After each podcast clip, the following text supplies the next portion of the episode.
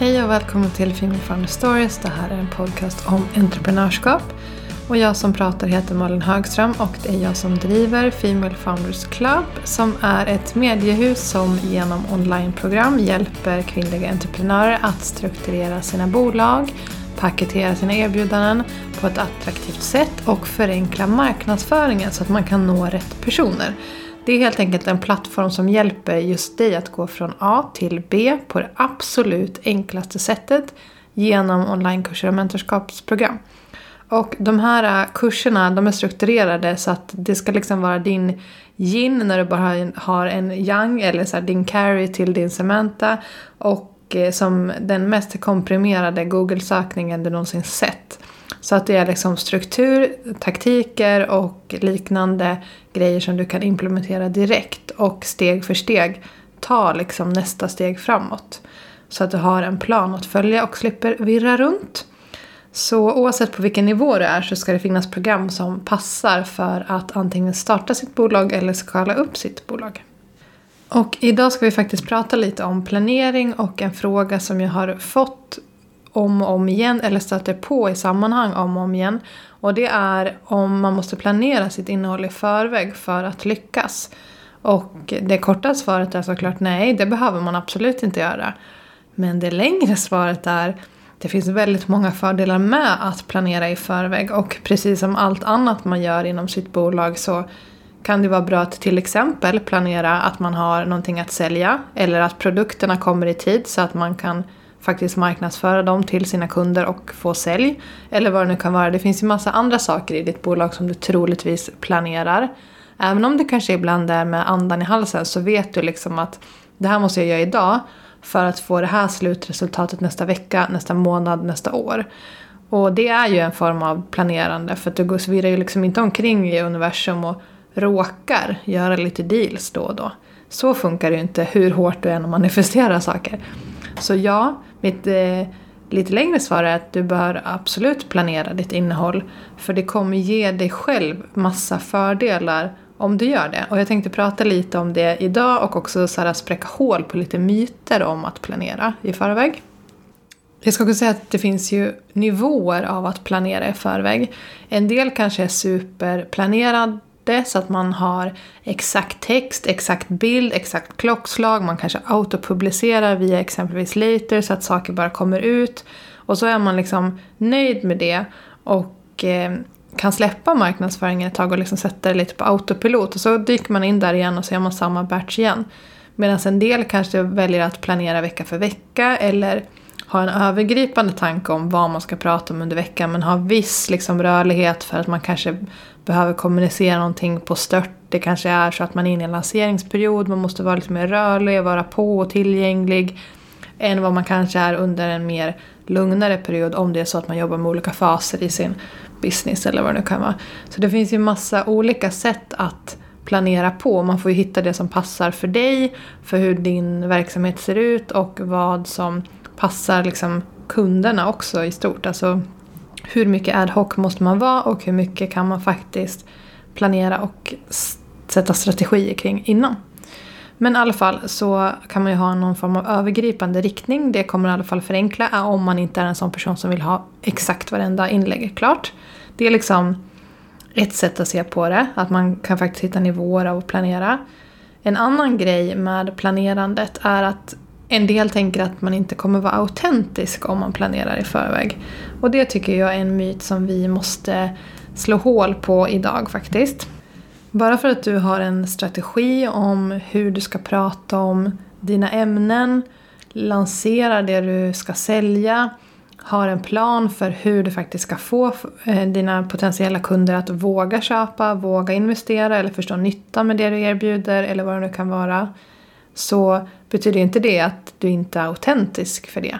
Hela poängen, och särskilt när man är ett litet bolag, är ju att man kan vara mycket, mycket mer autentisk än ett stort opersonligt bolag som bara är sitt varumärke. Du kan ju också visa vem du är som entreprenör. För troligtvis om du lyssnar på den här podden så är det inte du som äger Coca-Cola än.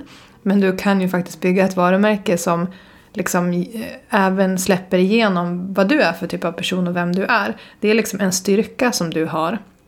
Och den försvinner inte bara för att du planerar i förväg utan snarare tvärtom. Då kan du ju få in mer av vem du är och inte bara hamna i den här fällan av att så här okej då gör jag ännu ett inlägg som pratar om min produkt. Eller ännu ett inlägg som pratar om min tjänst. Hoppas någon tycker det är bra och inspirerande och köper av mig. Det är ju inte en strategi.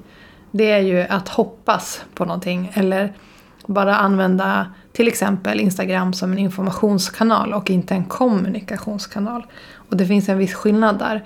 Och strategin skulle jag säga, eller liksom den här planen då, hjälper snarare dig att vara ännu mer autentisk så att du faktiskt kan använda det som ett communityverktyg och på riktigt mm, liksom bygga följare och potentiella kunder som tycker att det du gör är grymt. Och inte bara, okej okay, jag köper väl då. Och sen så glömmer man bort någonsin vem du var eller vad ditt bolag höll på med. Utan nu har du liksom chansen att sätta en plan för hur du ska nästla dig in i alla de här personernas liv på ett autentiskt sätt såklart. Det är också en fördel tycker jag. Så mm, skulle, jag säger starkt emot att det skulle vara oautentiskt att planera i förväg i alla fall. Och eh, som jag var inne på, så istället för att posta lite på måfå och vara osäker på om din potentiella målgrupp faktiskt tilltalas av det du postar, så kan du veta att om du pratar på det här sättet om det här ämnet så kommer du träffa den här specifika delen av din målgrupp som kanske letar efter en viss del i ditt erbjudande. Och pratar istället på ett annat sätt på, om en annan del i ditt erbjudande eller om samma sak, bara att du pratar om det på ett annat sätt. Så träffar du en annan del av din målgrupp. De här kan vara liksom inom ramen för samma målgrupp men de kan ha olika liksom ingångsvärden eller olika behov. Och att du har en strategi eller en plan för hur du pratar med de här personerna på, på, på olika sätt eller liksom möter dem på olika sätt. Det gör ju bara att du kan tilltala alla de här variationerna som finns i din målgrupp. För så är det ju att även om man har nischat ner sig och bestämt att det här är min målgrupp så är det fortfarande människor och de kommer ha olika typer av behov, köpbeteende och sätt de relaterar till dig. Och det är liksom ett sätt att möta det här på, det är att också planera lite i förväg hur och när och var man gör vissa saker. Och när man börjar jobba systematiskt med det här så ökar man ju också chansen att man förvandlar de här följarna till kunder för att du har skapat innehåll som liksom undermedvetet leder till sälj. Och det är ju också hela poängen med marknadsföring och det brukar jag tjata om ibland men jag tycker att det är viktigt att inte glömma bort att även om man kan känna så här om jag hamnar efter på sociala medier för jag är inte kreativ. Det, det tar stopp när jag ska sätta mig ner och skriva eller vad jag ska lägga ut. Då får jag liksom inga idéer när jag ska göra det. Okej, okay, det är klart att marknadsföring kan vara jättekreativt men det är också väldigt mycket strategiskt och planerande bakom det. Så att du kan liksom släppa den här kreativa spärren. För om du vet redan så här, jag ska prata om det här på det här sättet. Om du har gjort din hemläxa så finns det massa smarta hacks som gör att du inte behöver sitta och fundera på vilken bild du ska välja. Det är inte där du fastnar. Du tror kanske att du har allt på banan och så är det den där bilden som blir fel. Typiskt. Men troligtvis är det inte det som är grejen. Utan du måste sätta den här planen först. Du kan lura dig själv kan man säga genom att skapa vissa färdiga templates som du sen kan använda.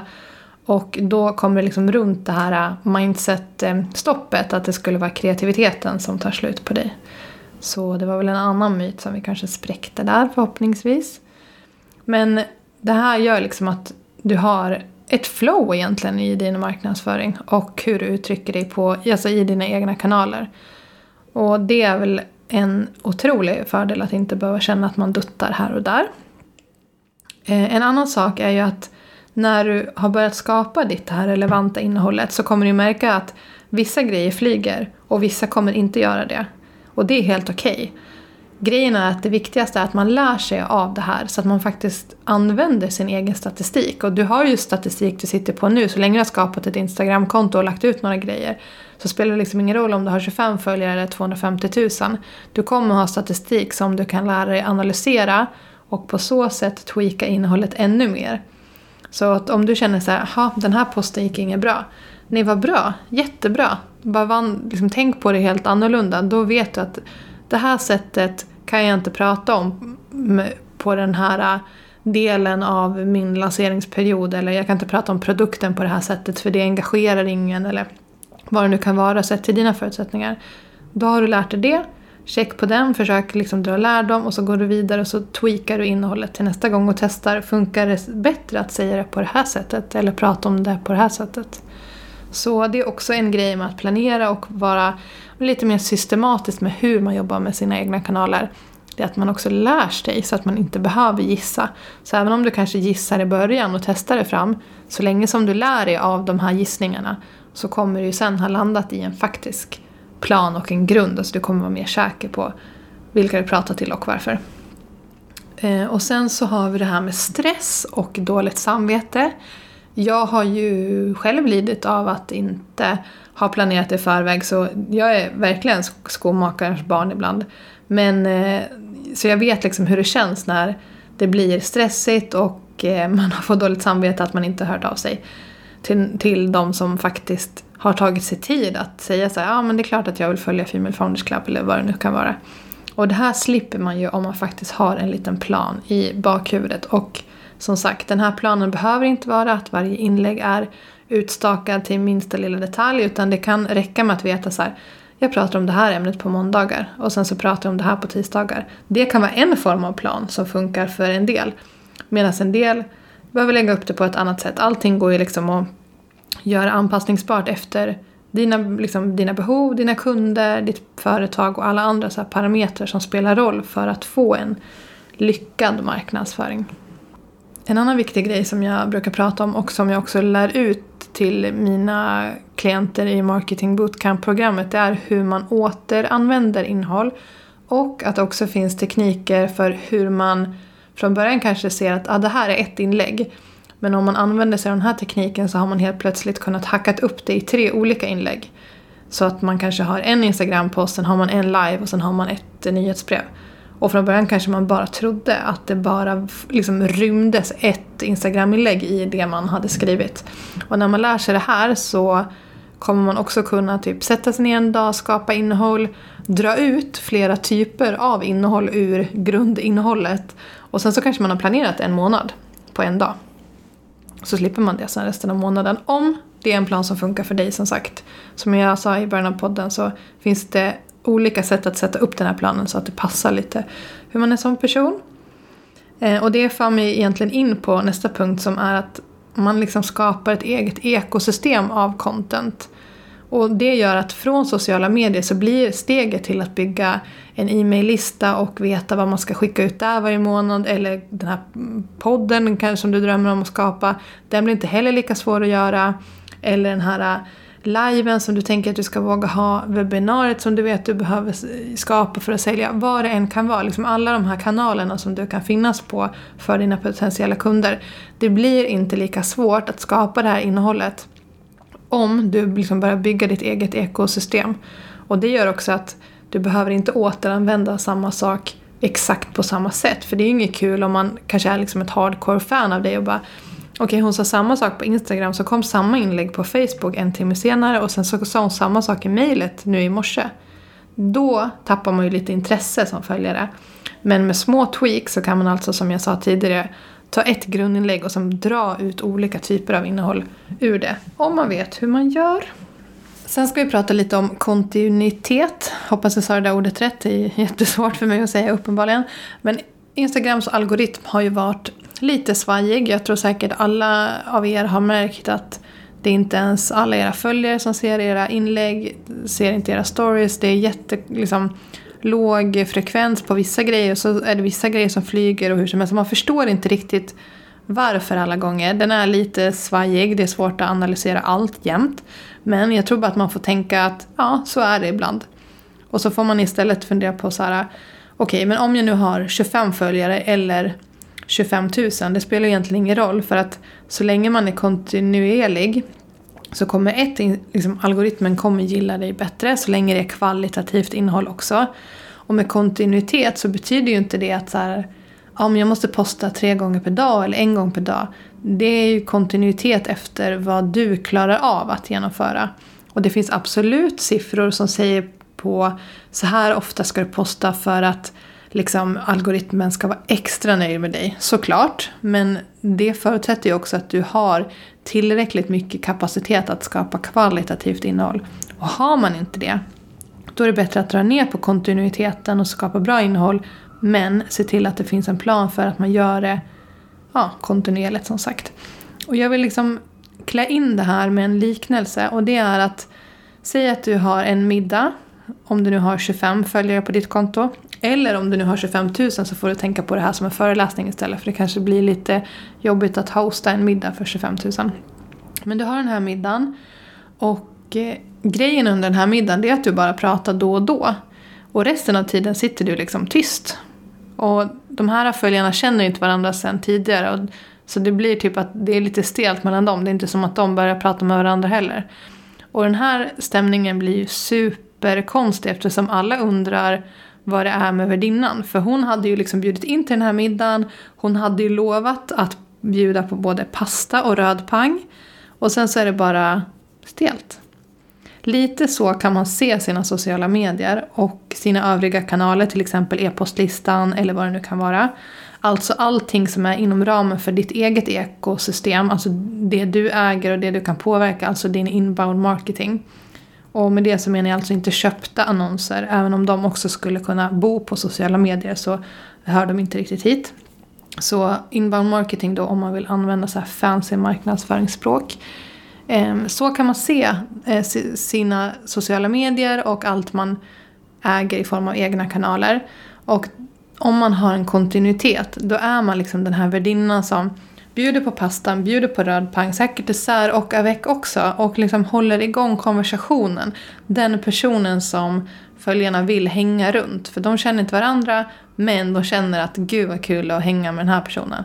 Så kan man liksom se sina egna kanaler och därför är det så viktigt att komma ihåg att den här kontinuiteten, även om den är då och då, så länge den, det finns någon form av eh, fart eller pace eller vad det nu heter i den så kommer man lyckas även om man inte postar som en galning varje dag.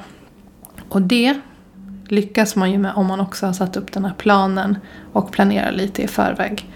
Ja, det var liksom mina långa svar på varför man ska planera i förväg för att lyckas.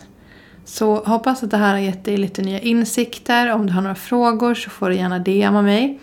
Vill också påminna om att jag har gjort en ny freebie som är en video och en pdf som handlar om content. Det är nio olika contentkategorier och hur du kan använda dem för att ja, sprida ut vilka typer av innehåll du jobbar med över tid och så här, Så att det inte bara blir samma, samma, samma du postar utan att det faktiskt finns olika typer av innehåll som passar olika typer av människor.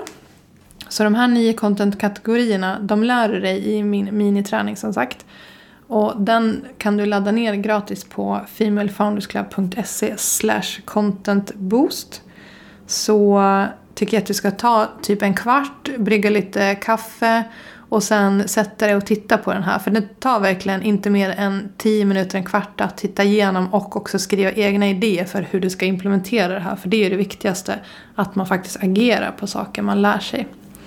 Så med de orden så avslutar jag dagens podcast och säger tack så hemskt mycket för att du har lyssnat idag och vi hörs nästa vecka.